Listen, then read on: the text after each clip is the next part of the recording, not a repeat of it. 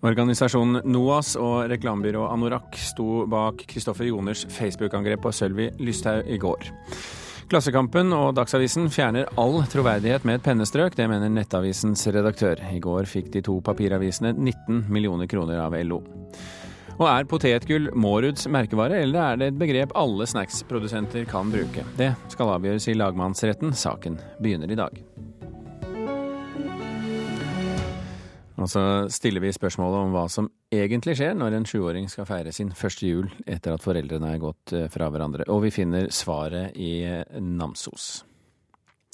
Det var én sak som satte fyr på sosiale medier i går, og det var Kristoffer Joners, skuespilleren Kristoffer Joner, sin kritikk av innvandrings- og integreringsminister Sylvi Listhaug på Facebook. Og hans påfølgende oppfordring til folk om å donere penger til, eh, en, eh, til eh, NOAS, Norsk organisasjon for asylsøkere. Innlegget engasjerte store mengder mennesker, og i løpet av morgenen nå så har det tikket inn 2,6 millioner kroner på NOAS sin konto. Og her skal vi høre hva Joner skrev. Jeg heter Kristoffer, og i dag ble jeg medlem av Facebook. Dette er min første, og ganske sikkert siste Facebook-post. Jeg vil at du skal like den og dele den, og nå skal jeg fortelle deg hvorfor. Ja, Sånn starta Facebook-posten til skuespiller Kristoffer Joner, kjent fra filmer som 'Bølgen' og 'Villmark'. Etter ti minutter så finnes det ikke Geiranger lenger. Nå er han bystyrerepresentant for Arbeiderpartiet i Stavanger, og reagerer kraftig på innvandrings- og integreringsminister Sylvi Listhaug sin post fra forrige uke, der hun bl.a. skriver følgende. Trykket på tvangsretur og kursendring i norsk asylpolitikk under Frp og denne regjeringen blir lagt merke til. Det er bra. Hva vil dette hylekoret? Vil de ha svenske tilstander i Norge? Vil de at alle skal få bli om de behøver beskyttelse eller ikke? Vil de ha åpne grenser? Jeg blir i hvert fall ikke klok på dem. Det var en replikk eh, i munnen til eh, Mari Sandmal, men det var Sylvi Listhaug som skrev det på Facebook, og reporter her var også Kirsti Falk Nilsen. Ann Margrit Austenå, generalsekretær i NOAS. Eh, hvor fornøyd er du med summen 2,6 millioner kroner?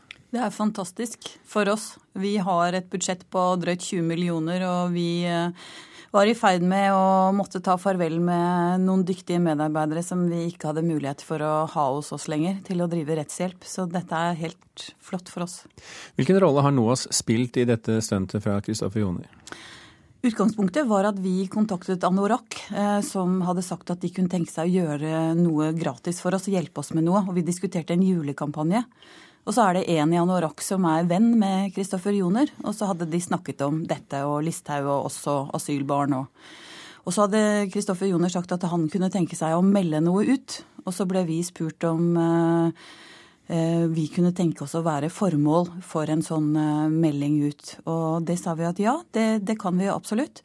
Men i og med at Kristoffer Joner ikke er noe sånn Facebook-løve i utgangspunktet, så det, var det ganske uklart akkurat når dette skulle komme.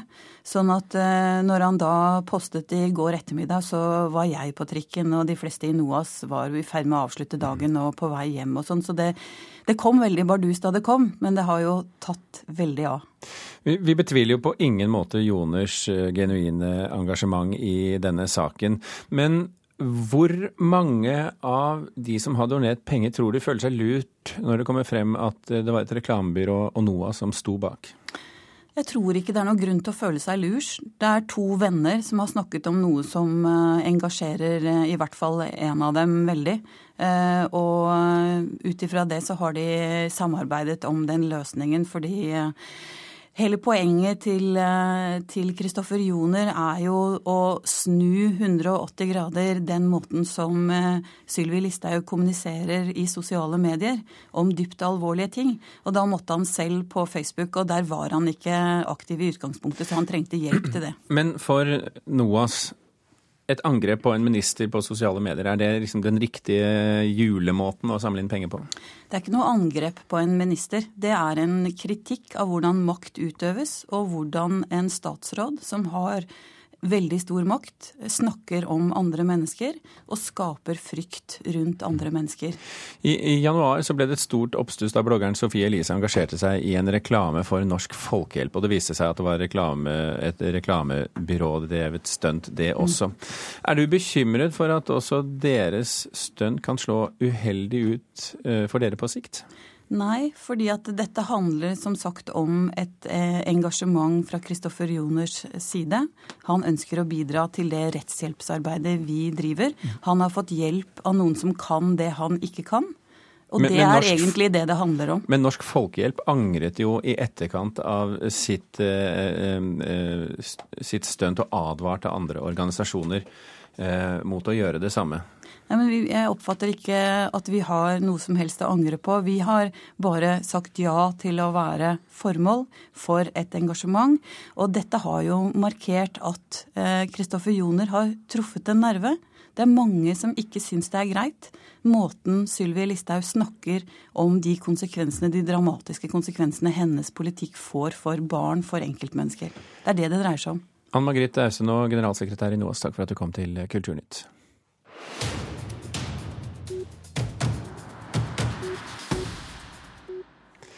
LO kom i går i økonomisk eh, kom i går i, i, til unnsetning for økonomisk preste aviser på venstresiden. De bevilget 19 eh, millioner kroner til Dagsavisen og Klassekampen for å styrke arbeidslivsjournalistikken. Ti eh, av disse millionene gikk til Dagsavisen, ni til Klassekampen.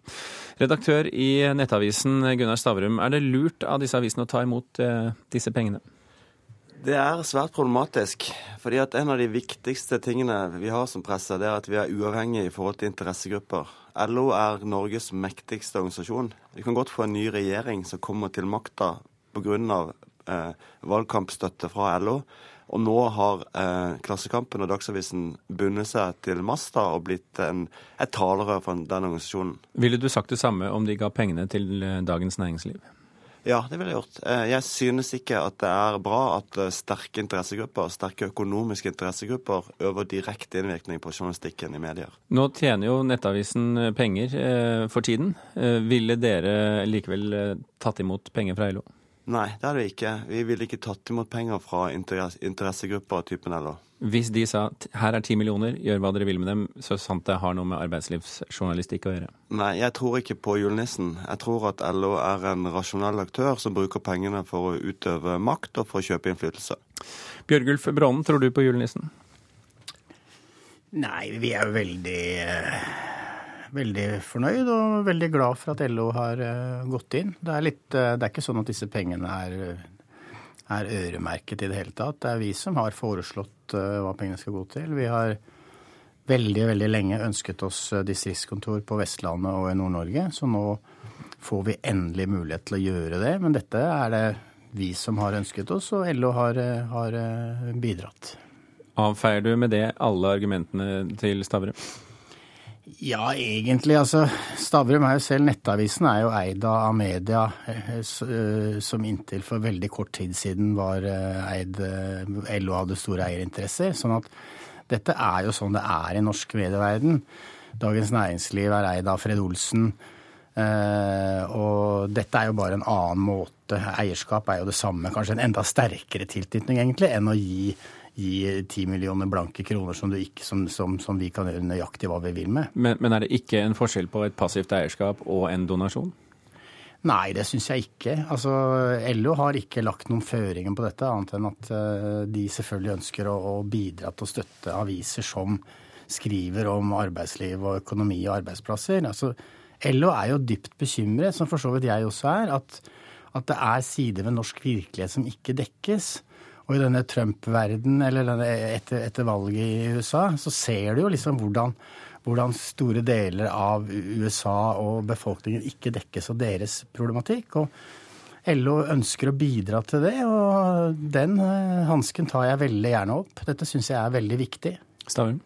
Nei, jeg syns jo dette er svært betenkelig. Og det er også flere punkter i Vær varsom-plakaten som, eh, som, akkurat omtaler dette. Blant annet står det at redaktøren skal opptre fritt og uavhengig overfor eh, grupper som av ideologiske, økonomiske eller andre grunner vil øve innflytelse på det rasjonelle innholdet. Det heter også at man skal unngå dobbeltroller og bindinger som kan skape interessekonflikter eller føre til spekulasjoner om inhabilitet. Eh, og et tredje punkt, vis åpenhet om bakenforliggende forhold som kan være relevante for oppfatning av journalistikken. Altså veldig vekt på det at du er uavhengig i forhold til interessegrupper. Og når LO nå gir men, men, men er det virkelig noen medier i dag som er 100% uavhengig av noe som helst? Ja, det er selvfølgelig. Det er jo, eh, men det er noe annet å ta imot. Det er ekstremt å ta imot penger fra en så sterk interessegruppe som LO. Og for min del, som egentlig leser både Dagsavisen og Klassekampen, så får jeg nå en problemstilling som leser. Når jeg skal lese ting de skal skrive om arbeidsliv, er det da eh, fordi de er sponsa av LO at de skriver dette? Eh, hvorfor skal jeg ha tillit til uavhengigheten av, til to medier som har gjort seg så avhengig av penger fra LO? Uh, Brånen, uh, en ting er at du er trygg på at du vet hva du gjør når du skriver uh, i avisen om arbeidslivsjournalistikk med støtte fra LO. Er du helt 100 sikker på at leserne dine er det samme?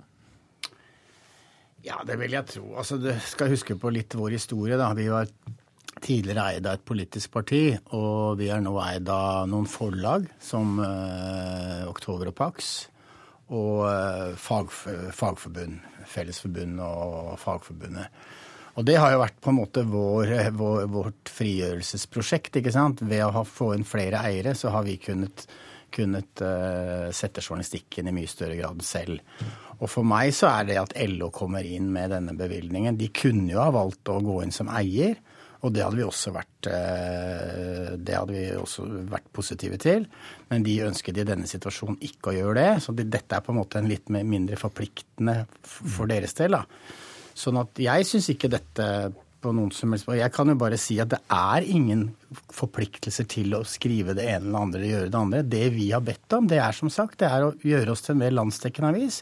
Opprette distriktskontor i Bergen og i Tromsø eller hvordan, hvor det nå blir. Og det Altså, problemet er jo at de helkommersielle eierne som Skipsted, Egmont, Amedia og sånn, det er liksom nøytralt eierskap, for de vil bare dra masse penger ut av bedriftene. Mens vi har eiere da som delvis prøver å motprogrammere overfor de sterke markedsaktørene, og det tror jeg er veldig, veldig positivt. Stavrum, er det bare ubesudlede penger fra staten som eh, kan sikre en avis troverdighet? Nei, det er det ikke. Men det, det, er et stykke fra For det første så er ikke jeg enig med Brån i at eierskapet er en sterkere binding enn det å ta imot donasjoner direkte fra interessegrupper. For norsk, norsk, mediet, norsk etikk, presseetikk er jo slik at redaktøren har en selvstendig stilling i forhold til eierne. Og det er nokså lang tradisjon på at eierne ikke kan, på, eh, kan påvirke redaksjonale beslutninger gjennom redaktøren. Eh, men dette er på en måte å gå totalt i den andre grøfta. Altså, man tar imot penger fra en meget sterk interessegruppe. LO bruker ikke 19 millioner kroner på dette uten at de har et formål med det. De sier jo selv at de ønsker å støtte en sterk arbeiderpresse. Altså de har, de har et klart politisk eh, underlag for å gi disse pengene. Og da, det, det, da får leserne en grunn til å tvile på uavhengigheten, og det er negativt. Vi får se hvordan leserne ter seg etter hvert. Eh, Gunnar Stavrum og Bjørgulf Brånen, takk for at dere var med i Kulturnytt. Klokken eh, er eh, passert 16 minutter over åtte. Du hører på Kulturnytt, og dette er toppsakene i Nyhetsmorgen nå. Barnas forklaringer eh, har vært viktige i avsløringene om overgrepssaken i Bergen. Redd Barna etterlyser mer innsats fra regjeringen for å hindre overgrep mot barn. Og Magnus Carlsen han eh, tapte partiet i sjakk-VM i natt. Nå risikerer han bot for å ha forlatt pressekonferansen.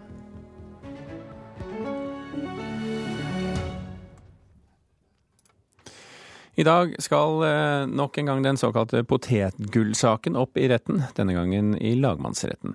Chipsprodusenten Mårud sier de har brukt 80 år på å bygge opp merkevarenavnet Potetgull, et navn Orkla-eide Kims også vil bruke på sine salte godsaker. For folk flest derimot betyr dette null og niks. Potetgull er potetgull. Du, hva vil du kalle den posen her? Potetgull. Hvorfor det? Fordi jeg alltid har gjort det. På en jokebutikk i Oslo står en mann med det meget passende navnet Parm Dipp og fyller på med potetgull i hyllene. Eller var det potetchips? Det spørsmålet skal opp i Borgarting lagmannsrett i dag. Altså, hovedårsaken til at vi ønsker å, å, å, bruke potetgull, er at det er naturlig å snakke samme språk som folk når vi skal selge og markedsføre Kims eh, sine produkter. Sier pressekontakt i Orkla, Robert Rønning. Så vi må, vi må få en klar og tydelig dom på at potetgull er altså ikke noen kjennemerke eller varemerke. Det er en del av dagligtalen. Ja, og det er nettopp det denne saken handler om. Er potetgull et merkenavn eller ikke? For fram til nå har det vært sånn at Mårud har eid produktnavnet potetgull. Det har gjort at Kims har måttet kalle sine gule poser for potetchips. Og sånn ønsker Mårud at det skal fortsette. De vil ha potetgullet for seg sjøl. Det handler ikke om at Mårud sier til det norske folk ja, dere får ikke lov til å bruke ordet potetgull i vanlig språk. Det norske folk sier akkurat hva de vil, som de alltid har gjort, og som de alltid skal gjøre. For dette produktnavnet har de brukt et helt liv på å bygge opp, forteller Chris Samways i Mårud. Det handler om å bygge opp noe, eie noe sånn verdifullt, investere i noe. Få lov til å stole på at den investeringen skal være. Og ikke at, at hovedkonkurrenten av alle skal komme inn og få lov til å nytte seg av det. I fjor høst var saken oppe i Oslo tingrett. Da tapte Mårud, men de nekta å gi seg. Vi har investert um, opp gjennom årene hundrevis av millioner kroner for å bygge opp den verdien som eh, potetgull står for. Og dette her er en prinsippsak som alle som har bygd opp eh, varemarkedet i Norge, bør være bekymret over. Det sier altså Chris Samways i Mårud. Hos Orkla derimot er de ganske sikre på seier også denne gangen. Ja, altså, vi skal aldri foregripe en behandling i domstolene, men vi mener vi har et meget godt utgangspunkt for nå den ankesaken i, i lagmannsretten. Og reportere her i denne saken det var Kirsti Falk Nilsen og Ruth Einevold Nilsen. Ingeberg Ørstavik, førsteamanuensis ved Institutt for privatrett ved Universitetet i Oslo. Velkommen til Kulturnytt. Takk. Hvor viktig sak er dette? Det er jo klart svært viktig for Mårud. For eh, hvis de får medhold i at de skal ha enerett til å bruke potetgull som kjennetegn på eh, potetchips som kommer fra Mårud, eh, så har det en stor økonomisk verdi. Og motsatt selvfølgelig for Kims. Men hvor, hvor mye betyr det for folk flest, tror du? Jeg tror folk flest kommer til å spise totalt like mye chips allikevel. Men eh, et varemerke er jo en enerett til å bruke et ord som et kjennetegn, og kommunisere med forbrukerne gjennom kjennetegnet, og vise forbrukeren at denne chipsen kommer fra min fabrikk.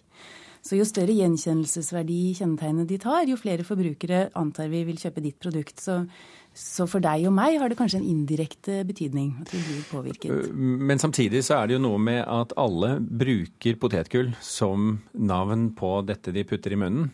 Har du forståelse for at også Kims vil, som de sier her i denne saken, kommunisere med folk på, med det språket de bruker? Ja, det, selvfølgelig. Og det er jo sakens kjerne. Både det juridiske spørsmålet og eh, et juridisk spørsmål som vi alle kan identifisere oss med.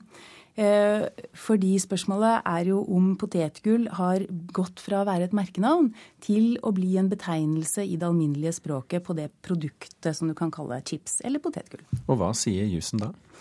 Eh, det Jussen sier at du ikke kan bruke som varemerke noe som bare er beskrivende for varen. Men eh, det er jo et nokså skjønnspreget begrep. Sånn at retten må jo ta stilling til både hvordan brukes potetgullordet i språket, og er det så alminnelig i språket at det virker beskrivende i den rettslige forstanden av ordet. Og, og, og hva vil avgjøre det for lagmannsretten, altså Tingretten kom jo frem til at eh, her er det fritt frem. Eh, lagmannsretten, eh, hva tror du de kommer til å legge vekt på? Lagmannsretten gjør en helt ny prøving av alle sider av saken. Og det største spørsmålet er vel kanskje rent faktisk hvor innarbeidet eller hvor vanlig i språket er betegnelsen potetgull blitt. Men, men er det når du sier at de skal gjøre en helt ny vurdering, altså de tar alle bevisene opp på nytt, eh, er det, er det, er det det, hvis det er ja, Nå skal jeg formulere meg på en måte som gjør at jeg skjønner det sjøl også. Kan de komme til et helt annet resultat ved å tenke ganske likt som i tingretten? Eh, ja, det kan de jo. Eh, altså, saken er jo ikke opplagt. Derfor har den jo også kommet til lagmannsretten, fordi dette ikke er en helt eh, opplagt sak. Eh, man, man, kan jo, Lagmannsretten kan komme til at potetgull er brukt som varemerke bare på Mårud sine chips, og at selv om enkelte kanskje vil bruke det som en eh, alminnelig betegnelse, så er den generelle bruken i språket som et varemerke. Skal da også tingretten ta hensyn til om Mårud eh, taper penger på å la dette, dette begrepet være fritt? Interessant. Eh, det er klart Dette handler om en stor verdi. Men i den rettslige vurderingen så har det mindre betydning. Fordi det skal være like god anledning for den som har mye penger til å registrere varemerket sitt, som den som er i en startup-fase og ikke tjener penger enda. Så de har litt å pusle med i, i lagmannsretten i dagene fremover? Det antar jeg. Det blir jo spennende å se resultatet. Tusen hjertelig takk eh, for at du kunne være med i Kulturnytt, Inger Berg Ørstavik ved Institutt for privatrett, Universitetet i Oslo.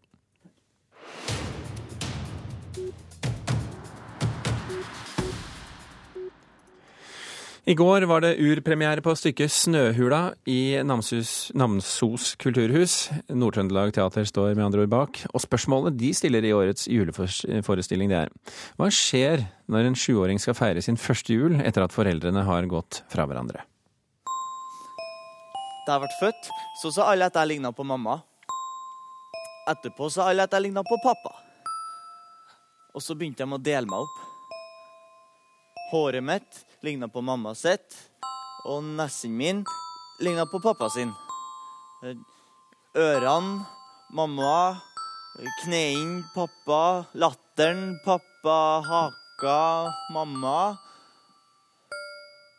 Det eneste som ikke ligner på noen, det er tomlene mine. Her hører vi Kristoffer Julstad som sjuårige Sigurd i stykket 'Snøhula' av Rasmus Rode og Ane Aas. Karen Frøsland Nystøl, teaterkritiker her i NRK. Er dette en vanlig juleforestilling? Nei, jeg vil si at dette er en juleforestilling som er litt utenom det vanlige, men som allikevel har et veldig vanlig tema. Det er mange barn i Norge som feirer delt jul, og mange skal gjøre det for første gang kanskje nå denne jula. Og dette er på sett og vis Daisy fortelling, dette her. Det handler om Sigurd eh, som er sju år, som eh, skal innom pappa for å feire litt sånn jul med han på forhånd. Og så skal han reise av gårde med storesøstera og feire mammajul. Sånn var ikke jula året før, og dette vekker mange følelser i han. Så han stikker av. Han graver seg ei snøhule, og i den hula så møtes han av sine følelser. Sinne og glede og fortvilelse. Og de kommer han i møte, og så, og så, må han prøve å finne litt ut av de følelsene han har. Hvordan... Uh, og jeg synes at ja, Forestillinga den, eh, den, veksler så fint mellom letthet og alvor i denne snøhula, og i det hele tatt. Ja, Vi sitter altså i hvert vårt studio, hvis det er noen som lurer på hvorfor vi snakker i munnen på hverandre. Eh, hvordan ser dette ut på scenen, Karen?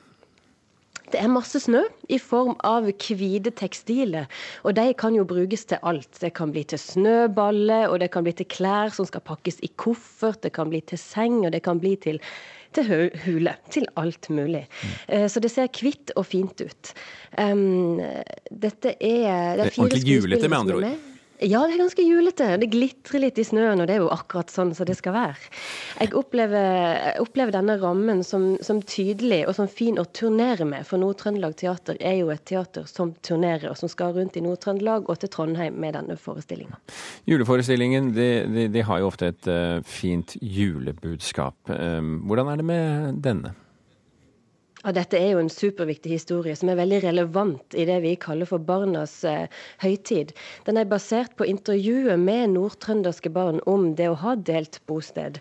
Eh, og den den, den, har alt det gode og julete ved seg, samtidig som den tematiserer det som kan være vanskelig for barn, nemlig eh, lojalitet i forhold til to foreldre som har tatt seg en pause, eh, kompromissene som barna jobber med og inngår hele veien, hvordan de glatter over i forhold til foreldre, hvordan de kanskje gjemmer unna følelser, og hvordan de opplever skyld, for det gjør disse to barna. Og det er viktig at det settes ord på, og at de da kan ta en prat med foreldrene, som til slutt skjer i forestillinga der de kan sortere litt og ordne opp i hvorfor ting har blitt som de har blitt. Men dette høres jo ikke ut som noen munter forestilling?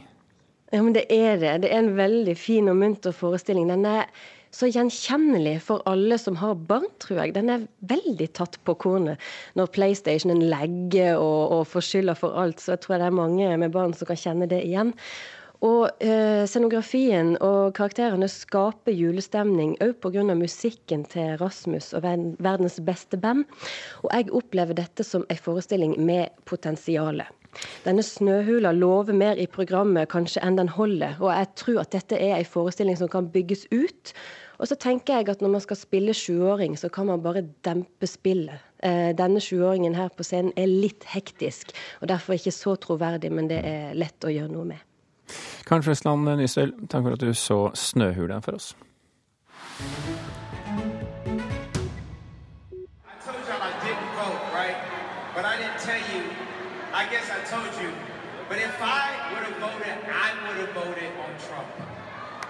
Det du hører her, er Kanye West, en av de mest innflytelsesrike artistene i verden for tiden. Den um, amerikanske rapperen er, rapperen er nå lagt inn på sykehus. Han har avlyst de gjenværende konsertene i turneen som skulle vare til nyttår. Torsdag avbrøt West en av de få låtene han faktisk fremførte på en konsert, med en eh, times prat om eh, politikk, blant annet om, eh, som du hørte her, om at han ikke stemte ved presidentvalget, og at han ville valgt Trump dersom han hadde stemt, osv. Lørdag avbrøt han en konsert i Sacramento i California etter at han hadde kommet halvannen time for sent og kun fremført tre låter. Det er litt sånn usikkert hva diagnosen er, men flere er bekymret for Wests mentale helse. Og det var slutten på Kulturnytt. Tone Staude og Birger Kolsrud Aasund takker for følget.